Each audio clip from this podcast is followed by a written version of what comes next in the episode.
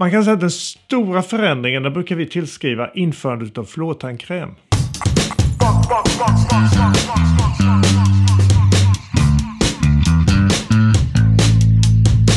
Du lyssnar på Akademiliv som är en podcast från Sahlgrenska akademin och jag heter Elin. Och jag heter Pontus.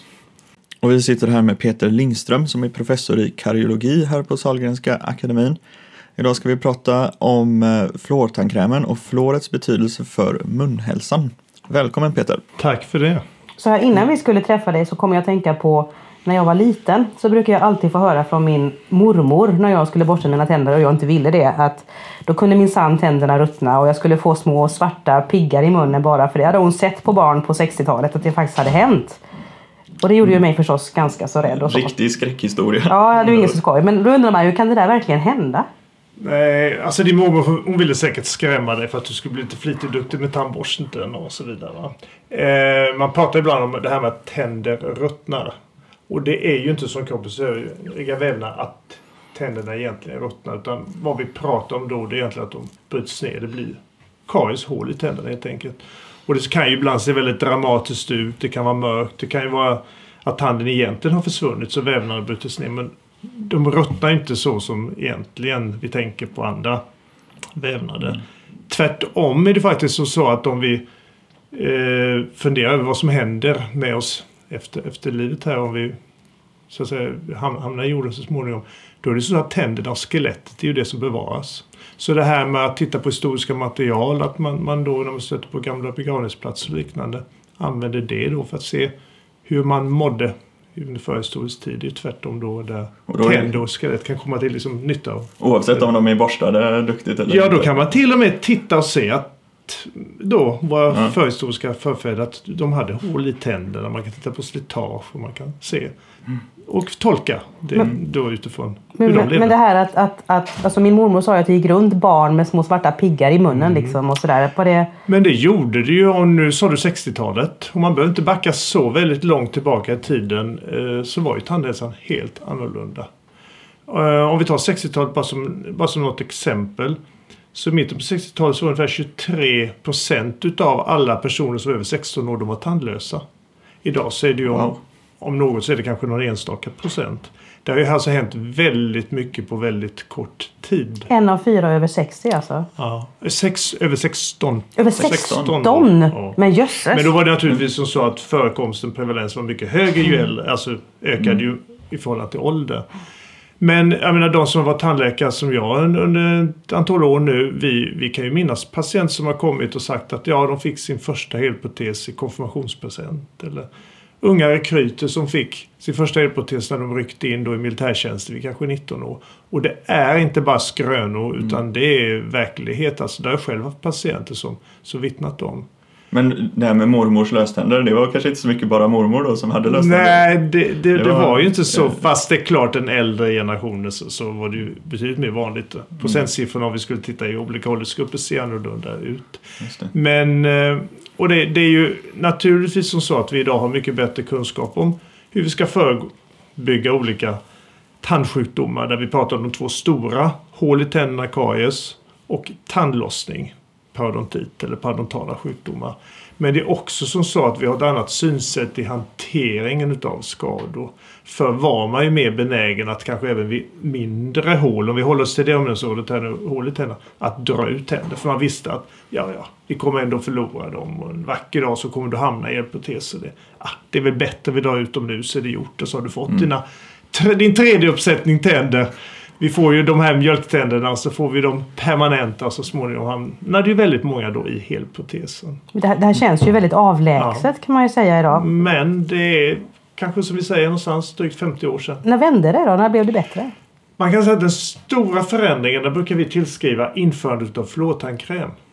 Och det brukar man säga att i Sverige på bred bas så skedde det någonstans i mitten på 60-talet. Alltså då blev det tillgängligt så att i princip alla som ville då kunde få möjlighet att använda fluorinnehållande tandkräm. Det hade funnits fluortandkräm innan, det hade funnits fluorfria produkter men då blev det mer allmänt tillgängligt. Och kunskapen om dess betydelse ökade också då i samband med detta. Vad har den mm. betytt? Jättemycket. Alltså det, det, det, måste man ändå understryka att att eh, det finns väldigt många utredningar, eh, väldigt många studier som visar just att den enskilt viktigaste faktorn för att vi idag har den goda tandhälsan som vi har då, eller ser hos barn, ungdomar och även vuxna, det är just fluortandkrämen. Och det är ju det här med den dagliga tillförseln av fluor som vi får i hemmet. De flesta av oss, jag hoppas det gäller er också, borstar två gånger om dagen. Eller det är ju den rekommendation som vi ger. Jo, men det... Handen på hjärtat nu. Ja, Men varför- jag har mer dåligt samvete för att jag inte drar med tandtråd eh, Ja, varje det, dag. se men där, det- se där. Jag vet, jag vet folk som borstar fem gånger om dagen, alltså efter varje mål och innan de går och lägger sig och sådär. Det måste ju vara ännu bättre än att borsta två gånger per dag. Ja, ja, det är klart att det, det kan låta det och visst, visst är det bra om vi tänker då på att du både mekaniskt rengör och du får exponering av fluor som då är bra för tanden och kan stärka upp och motverka skador. Så, eh, sen finns ju balans kanske vad vi kan tillgodogöra oss. Men det finns ju de personer som vi bedömer då som inom tandvården har hög risk att utveckla skador och då rekommenderar vi kanske i alla fall en extra tandborstning så tre gånger om dagen. Morgon och kanske efter lunch och så på kvällen. Innan du går och lägger dig. Men då är det för att få i, få, inte få i sig, men för att få fluoret på tänderna och i munnen? Eller är det mer andra orsaker? Ja, det är intressant att du säger få i sig när du sa det först faktiskt. Varför sa jag det sådär? Nej, det, jag, jag vet inte om du tänkte på det men eh, ja, det är ju som så att fluon kan egentligen rent mekanistiskt så kan den verka på två sätt. Den verkar lokalt i munnen. Det vill säga när vi borstar så kommer fluor då, då på tandytan och den påverkar miljön. Placket eller biofilm och bakterier och så vidare. Men så finns det en viss effekt också genom den fluor som sväljs. Och det pratar vi om som en lokal, det första, och det andra som en systemisk effekt. Mhm. Och då menar man att den systemiska det är ju att vi sväljer ner och sen kan fluorhalten förhöjas kanske lite till exempel i, i saliven som vi då, vi då Mm. utsöndrar munnen. Och framförallt så har den systemiska effekten betydelse under den period i livet när tänderna bildas. Alltså när de ligger inne i, i käkarna och håller på att formas. Då är det ju en fördel om det tillförs viss fluor. Just det, för det pratade vi om innan eh, idag, kommer du ihåg det? det här med, är det bättre då att borsta när man är liten och de här tänderna som ändå, mjölktänderna som ändå försvinner sen? Mm. Men då har man kanske fått i sig lite fluor i systemet som även hjälper nästa generation tänder. Som, Ja och, och nej. Alltså idag tillskriver vi ju den lokala effekten mycket större betydelse. Alltså när tänderna brutit fram i munnen. Den fluor då som, som de exponeras för. Det är det som är det väsentliga. Och det är ju inte bara tänder utan det är även bakterierna och ibland pratar vi om det som plack eller biofilmen som då finns på tänderna. Det, där kan också fluoren ha en viss effekt. Alltså, och skapa en totalt sett bättre miljö i munhålan som tänderna befinner sig i. Men är det för den här, eh, vad kallar du systemiska, sa du det? Ja, precis. Ja, är det, är det för den effekten som man till exempel då tillsätter fluor i, i eh, eh, dricksvatten i till exempel USA och Det sådär? blir ju både och kan man säga. Va? Det är ju både att du, vattnet passerar munhålan innan det sväljs. Och det är det ju ändå en lokal effekt som i första hand eftersträvas. Men du får ju en viss systemisk också. Det finns ju en väldigt eh, hög debatt i USA vet jag. Jag har vänner som bor i Oregon och sånt där som postar på Facebook som jag ser om, om detta att de tycker att det är för jädrigt att man tillsätter fluor i, i dricksvattnet och de riskerna som det innebär och att barnen dricker fluor och så på det sättet. Eh, man ska ju vara medveten om att natur, naturligtvis är det ju så, så att fluor i en viss mängd eller viss koncentration kan vara toxiskt. Det, det ska man vara medveten om. Jag brukar säga det att man ska ha eh, god kunskap, man ska ha respekt för det. Men de rekommendationer, de gränsvärden som idag är satta i ett land som Sverige till exempel. De, de har ju tagit hänsyn till de risker som finns och då, där finns en stor säkerhetsmarginal. Jag brukar säga ibland att fluor har ett väldigt brett terapeutiskt fönster. Det vill säga det är verksamt att skydda mot karies i väldigt låga koncentrationer och du behöver upp i ganska höga sedan för att det ska bli några negativa sidoeffekter utav det. Men, men jag håller helt med, man ska ha respekt och man ska ha kunskap. Och framförallt är det ju viktigt när vi pratar om det lilla barnet. För det här handlar ju lite om mängd jag får i mig vid ett visst tillfälle i förhållande till kilo kroppsvikt. Mm. Det är så det är. Den här debatten den har ju liksom nått hit också kan man ju säga. Det finns ju röster här också om att är någonting vi borde undvika och sådär. Mm. Så är det. Det har gått lite olika cykler. Det var en ganska stor debatt 2007 i me- media framförallt då, och det har lite tagit fart igen nu. Den, den, den la sig men det har, har lite tagit fart igen. Och Vad är det de säger bland annat ser man ju på bloggar och man går ut på, på internet och man kan hitta väldigt mycket inlägg i det här. Ja, jag googlade lite på det innan här och det är väldigt starka åsikter och liksom hänvisningar till eh, olika ja, eh, mer eller mindre vetenskapliga undersökningar och sådär. När man säger att det är, ja, att det är giftigt helt enkelt och påverkar hjärnan och Mm. kan, ja, men är det mm, Alltså, de, om man ska försöka sammanfatta kunskapsläget idag så säger vi ju det att i de koncentrationer, de mängder som vi rekommenderar och då skiljer ju sig mängden som vi rekommenderar, eller halten, den skiljer sig från det lilla barnet till den vuxna individen naturligtvis. Va? mm, Men om vi följer de rekommendationer som finns så, så menar vi att då finns det ju ingen risk utifrån den kunskap som vi då har idag. och fluortandkrämerna som finns att köpa de håller sig också inom de, De, rekommendationerna? de gör ju det, precis. Och här är ju både så säga, forskare och det är ju personer från Livsmedelsverket och andra organ som har uttalat sig och diskuterat här. Men om vi ska återknyta till där vi var lite innan, det här med just skillnad mellan en lokal och systemisk tillförsel så kan man ju lite tänka på det om man nu känner en viss oro eller, ängslan över det här. Att använda produkter som vi just exponerar tänderna för. Vi, vi liksom, de håller sig i munhålan. Vi spottar ut dem och det är ju exempel på sådana. Det är ju till exempel då tandkrämen och sköljlösningen. Tar du en sugtablett och suger på den så kommer du ju till slut då att svälja ner den fluoren. Och det är ju då exempel på en fluor som så att säga, Jonsson säger skulle kunna ha en systemisk effekt i kroppen. Så man kan ju om man då har, känner en oro då brukar jag rekommendera sådana patienter att se till att du då använder de produkter som du spottar ut. Ja, just det. För då får du den goda positiva effekten men om du känner en ängslan så behöver du inte oroa dig för, För det för nej, nej precis. Men, men den här debatten som, som blossar upp till och från, det, det kan ju leda till att föräldrar tycker att oj, det här med flor det ska jag inte, det ska jag inte ge till mina barn för att det kan, inte vara, det kan vara så att det är dåligt för deras hjärnor. Mm.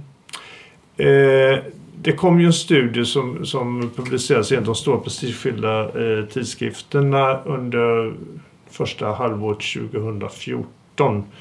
Eh, och där, där diskuterar man och, och resonerar man lite kring det här om inte enbart fluor, för det var väldigt många olika ämnen man, man resonerade kring om det skulle kunna ge några neurologiska störningar. Att det skulle kunna finnas då, då med i, i ja, uppkomst av olika problem hos barn. Man tänker på olika bokstavskombinationer och liknande.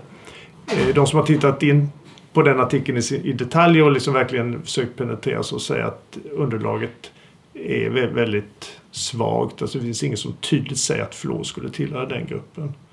Men jag kan samtidigt ha respekt och förståelse för de småbarnsföräldrar som känner ängslan. Jag menar, Mm. vi, vi överöses ju ständigt med in- information om negativa effekter av, av mycket av det som vi äter, dricker, hanterar, utsätts för dagligen. Och det är klart Mm. att, att, att jag kan förstå att man har, har, känner oro.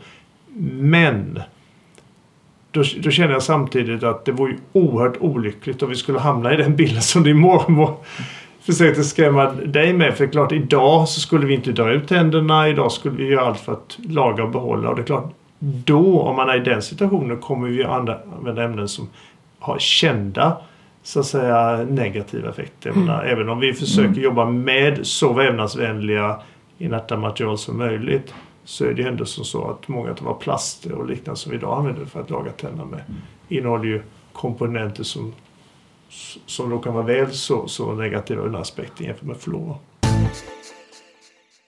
Men då, då använder man fluor, tandkräm och borstar duktigt Mm. varje dag. Och så eh, förebygger man eller liksom i alla fall föregår Absolut. de här problemen lite. Men hur funkar fluoret? Eh, Vad händer då på tänderna? Ja, det, det är en bra fråga. Pratar vi om fluor så kanske vi inte riktigt har satt i sitt sammanhang. Eh, om, om vi startar redan där, vad krävs för att det ska bildas ett hål eller kariesskada i en tand? Så är det just att tanden, det måste finnas bakterier i direkt anslutning på tandytan eller in, alldeles in, i närheten. Och vissa av de här bakterierna då, de har ju förmåga att bryta ner socker och stärkelse. Om vi brukar prata om som fermenterbara kolhydrater. Det bildas ämnen Oh. som då förändrar miljön i munhålan. Ämnen som vi lite slarvigt brukar säga då kan bryta ner eller skada tanden. Det vill säga det påverkar framförallt då surhetsgraden i munhålan, så pH sänks. Så om det sjunker ner under en viss pH-nivå, ja, då klarar inte tanden den sura miljön utan då börjar emaljen och så småningom även dentinet då rotytan så kan det börja lösas upp. Så då är det sockret och, eller Ja. kolhydraterna och bakterierna som Mm. tillsammans Precis. eh, gör att det blir surare. Exakt. Mm. Så ska, ska jag spetsa till det lite och vara lite provocerande, kanske i vissas öron i alla fall, så brukar jag säga det att karies är ju ingen bristsjukdom. Det är ju inte brist på fluor som gör att vi får ont i tänderna. Vi kan ju klara oss och undvika att utveckla den här typen av problem utan att använda fluor. Men det är klart, då får man ju vara oerhört noggrann och minutiös med vad jag äter, undvika socker, hur ofta jag in, intar det och så vidare. Va? Och klart, den mekaniska rengöringen är ju viktig ändå att försöka hålla så rent som möjligt för att minimera bakterieförekomsten. Det är ett intressant spår du kommer in på där, det här med, med maten och sånt där. Vad är det för kostråd som gäller idag när det gäller eh, vår munhälsa? Ja, precis på samma sätt som vi har den grundläggande rekommendationen borsta två gånger om dagen med fluortandkräm. Så har vi ju en grundläggande rekommendation att försök reducera sockerintaget avseende mängd och frekvens. Det vill säga, vi ska kunna äta och njuta av allting. Ibland tror ju folk inte att jag riktigt liksom förespråkar det. Men jag förespråkar också tårtan på födelsedagen och påskgodiset och allt det andra. Och en mysig kväll i soffan framför TVn och så. Det, är inte, det handlar inte om det. va. Men vi kan ju inte ständigt och jämt utsätta våra tänder för detta. Det klarar vi inte. Så att eh, goda kostvanor, att också försöka hålla tänderna så rena som möjligt, kommer väldigt, väldigt långt. Men det är klart det är viktigt att komma ihåg att vissa personer har, som jag ibland brukar uttrycka det, en ökad känslighet. Man kanske är muntorr på grund av sjukdom, medicinering. Så har man då förlorat den naturliga salivutsöndringen i munnen. Och då har man ju förlorat ett väldigt, väldigt starkt och viktigt skydd. Det vill säga, då har vi inte saliven som spolar rent och transporterar bort ämnen ur munhålan och som också innehåller massa olika skyddande substanser som då kan stärka upp och skydda tanden. Ja, för då, fredagsmyset där med, med Ja, läsken. nej, det, det, har jag inte sagt att vi ska ta bort. Nej, inte ta bort det, men jag förstår då. Då är det lite... Men det ska vara fredagsmys och inte varje kvällsmys. Precis. Men kolhydrater som vi pratade om innan, är det liksom pasta? Alltså, är det sämre då att äta pasta än att äta, jag vet inte, eh, linser eller bönor eller en bit Vi fisk? brukar ju prata om det som gruppen som fermenterbara och med det menar vi alltså nedbrytningsbara kolhydrater. Det vill säga sådana som just de här karierna, de här bakterierna, de som kan orsaka karies, kan bryta ner och bilda de här ämnena jag pratade om tidigare som gör att det Mm. blir surt. Och utav de här sockerarterna och stärkelse som det handlar om då så är sackaros, alltså det vanliga sockret, det vita socker vad vi väljer att kalla det. Då, då, då är det det mest kariesframkallande. För Då Dels- finns det saker som jag kan äta som inte är nedbrytbara av, och kan bidra till karies. Så att om vi tar till exempel mjölksocker som ingår och laktos som ingår i mjölk så är det en lite snällare sockerart. Om vi tar stärkelseprodukter som du var inne på här och nämnde va. Pastan och eh, riset och potatisen. Så är det lite snällare. Men det, därmed är inte sagt att det är ofarligt. Så den till exempel som har ett väldigt frekvent intag av frukt. Även om frukt är väldigt nyttigt, hälsosamt på många olika Mm. sätt. Så, så kan det hos den enskilda individen ändå bidra till, till Mm. problem. Men jag har en kompis, hans barn då, fick ju det från tandläkaren. Nej, inga äpplen. Eller i alla fall inte ifall det inte var i samband med mat. Precis. För, för barnet åt alldeles för mycket äpplen hela tiden. Russin är ju inte ovanligt att småbarnsföräldrar ger till sina små barn i, i tron om att det kanske är ofarligt. Ja, det är ju naturligtvis ett steg i rätt riktning. Det är bättre än godis, det traditionella vanliga godiset. Men därmed inte sagt att det är ofarligt. Det innehåller fortfarande sockerarter som kan brytas ner av bakterierna. Majskrokar kom för några år sedan. Såldes ju till och med på apotek. Eh, en stärkelseprodukt, majsstärkelse är det, är det utvinns det, eller framställs det utav. Och, och även det kan då alltså brytas ner. Men det är klart, det är ju på en skala så, så är det snällare än det rena Och i- sockret, På, på den andra sidan av skalan så att säga så finns det också mat som faktiskt har visat sig vara bra för tandhälsan. Och jag vet att det är ett forskningsintresse som du har också. Ja, det är ett ganska spännande område, lite mer nytt. Och och jag hade förmånen att för några år sedan vara med i en eh, EU-finansierad studie, multicenterstudie, där vi just tittade på det här med functional foods. Och det är ju två hälsospår man kan prata om. Dels är det functional foods, eh, det vill säga eh, livsmedel som utöver sitt grundläggande nutritionella värde kan ha en extra hälsofrämjande effekt och skydda mot karies. Då. Eller så kan man prata om eh, olika livsmedel som innehåller så kallade hälsofrämjande eller probiotiska bakterier. Båda de är ganska nya, spännande och eh, det har väl inte forskningen riktigt landat än och, och vet exakt så att säga, effekt utav det men det finns ju en hel del positiva data. Probiotika. Kan vi, kan vi landa i att man kan köpa någon dryck på i affären så småningom som kan förbättra eh, bakteriefloran i munnen? Du kanske inte ska sitta här och prata produkter just med, med produktnamn men det finns ju idag redan på marknaden så finns det ju olika juice och yoghurtar som innehåller olika bakteriekulturer. Och Men det är väl ju mest för magen? Eller? Ja, det var ju så det startade. Vad, vad, är det probiotika? Det, de här? Ja, de innehåller olika bakteriekulturer som då skulle kunna ha vissa hälsofrämjande egenskaper. Och de bakterier som ur munhälsosynpunkt, alltså oftast eh, där fokus oftast ligger, det är ju laktobaciller och bifidobakterier. Mm.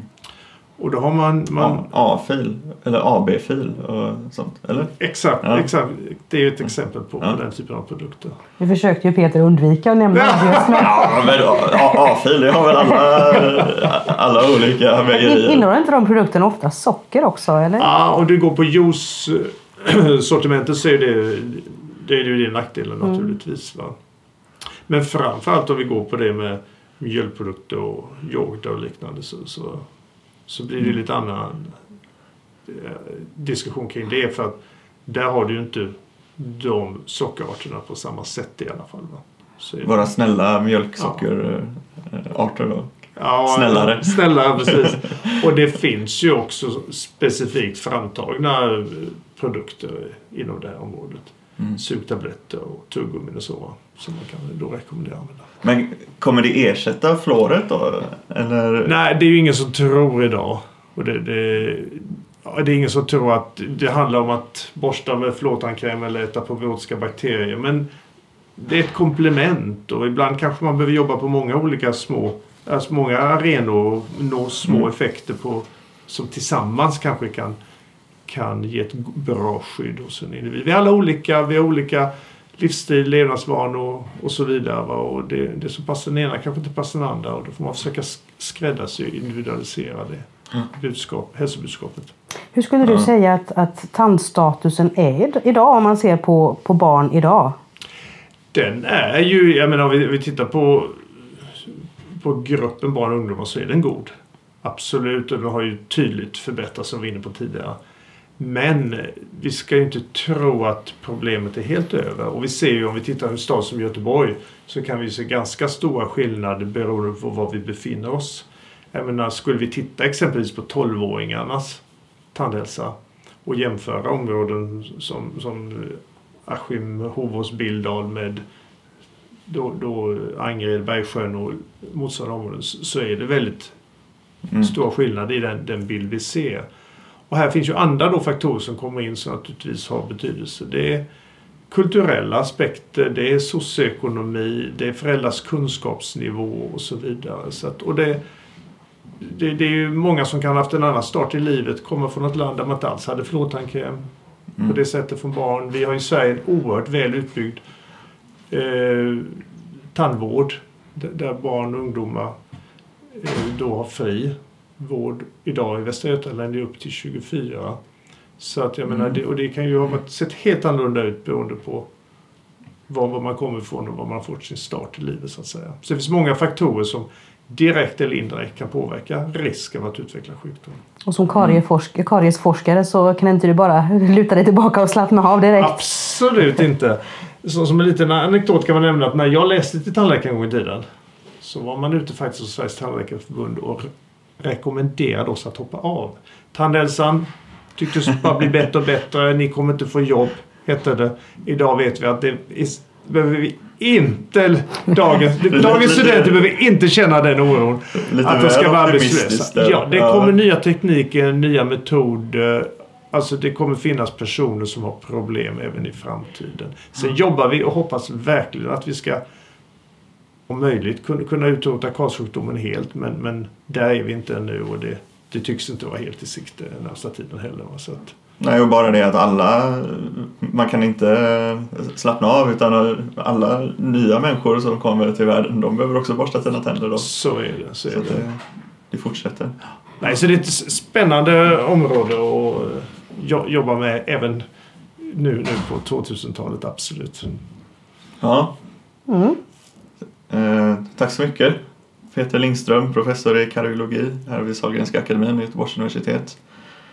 Eh, Det här var en podcast från Sahlgrenska akademin, Göteborgs universitet och vi finns på iTunes, Soundcloud och på Stitcher om du vill eh, hitta oss i mobilen eller på nätet. Och du får gärna kontakta oss med frågor eller om du har idéer eller saker du undrar och då är adressen akademiliv.gu.se och Sahlgrenska akademin hittar du såklart också då på eh, Facebook och då heter vi bara Sahlgrenska akademin.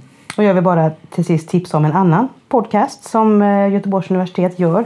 Eh, Kallprat heter den. Det är en Göteborgsalum som heter Fredrik Holm som intervjuar andra före detta studenter vid Göteborgs universitet. Hur kom de på vad de skulle plugga egentligen? Mm. Hur kom du på att du skulle bli tandläkare? Ja, det är en bra fråga. Det, var, det, fanns aldrig, det fanns aldrig helt medveten med från början, men det växte fram efterhand.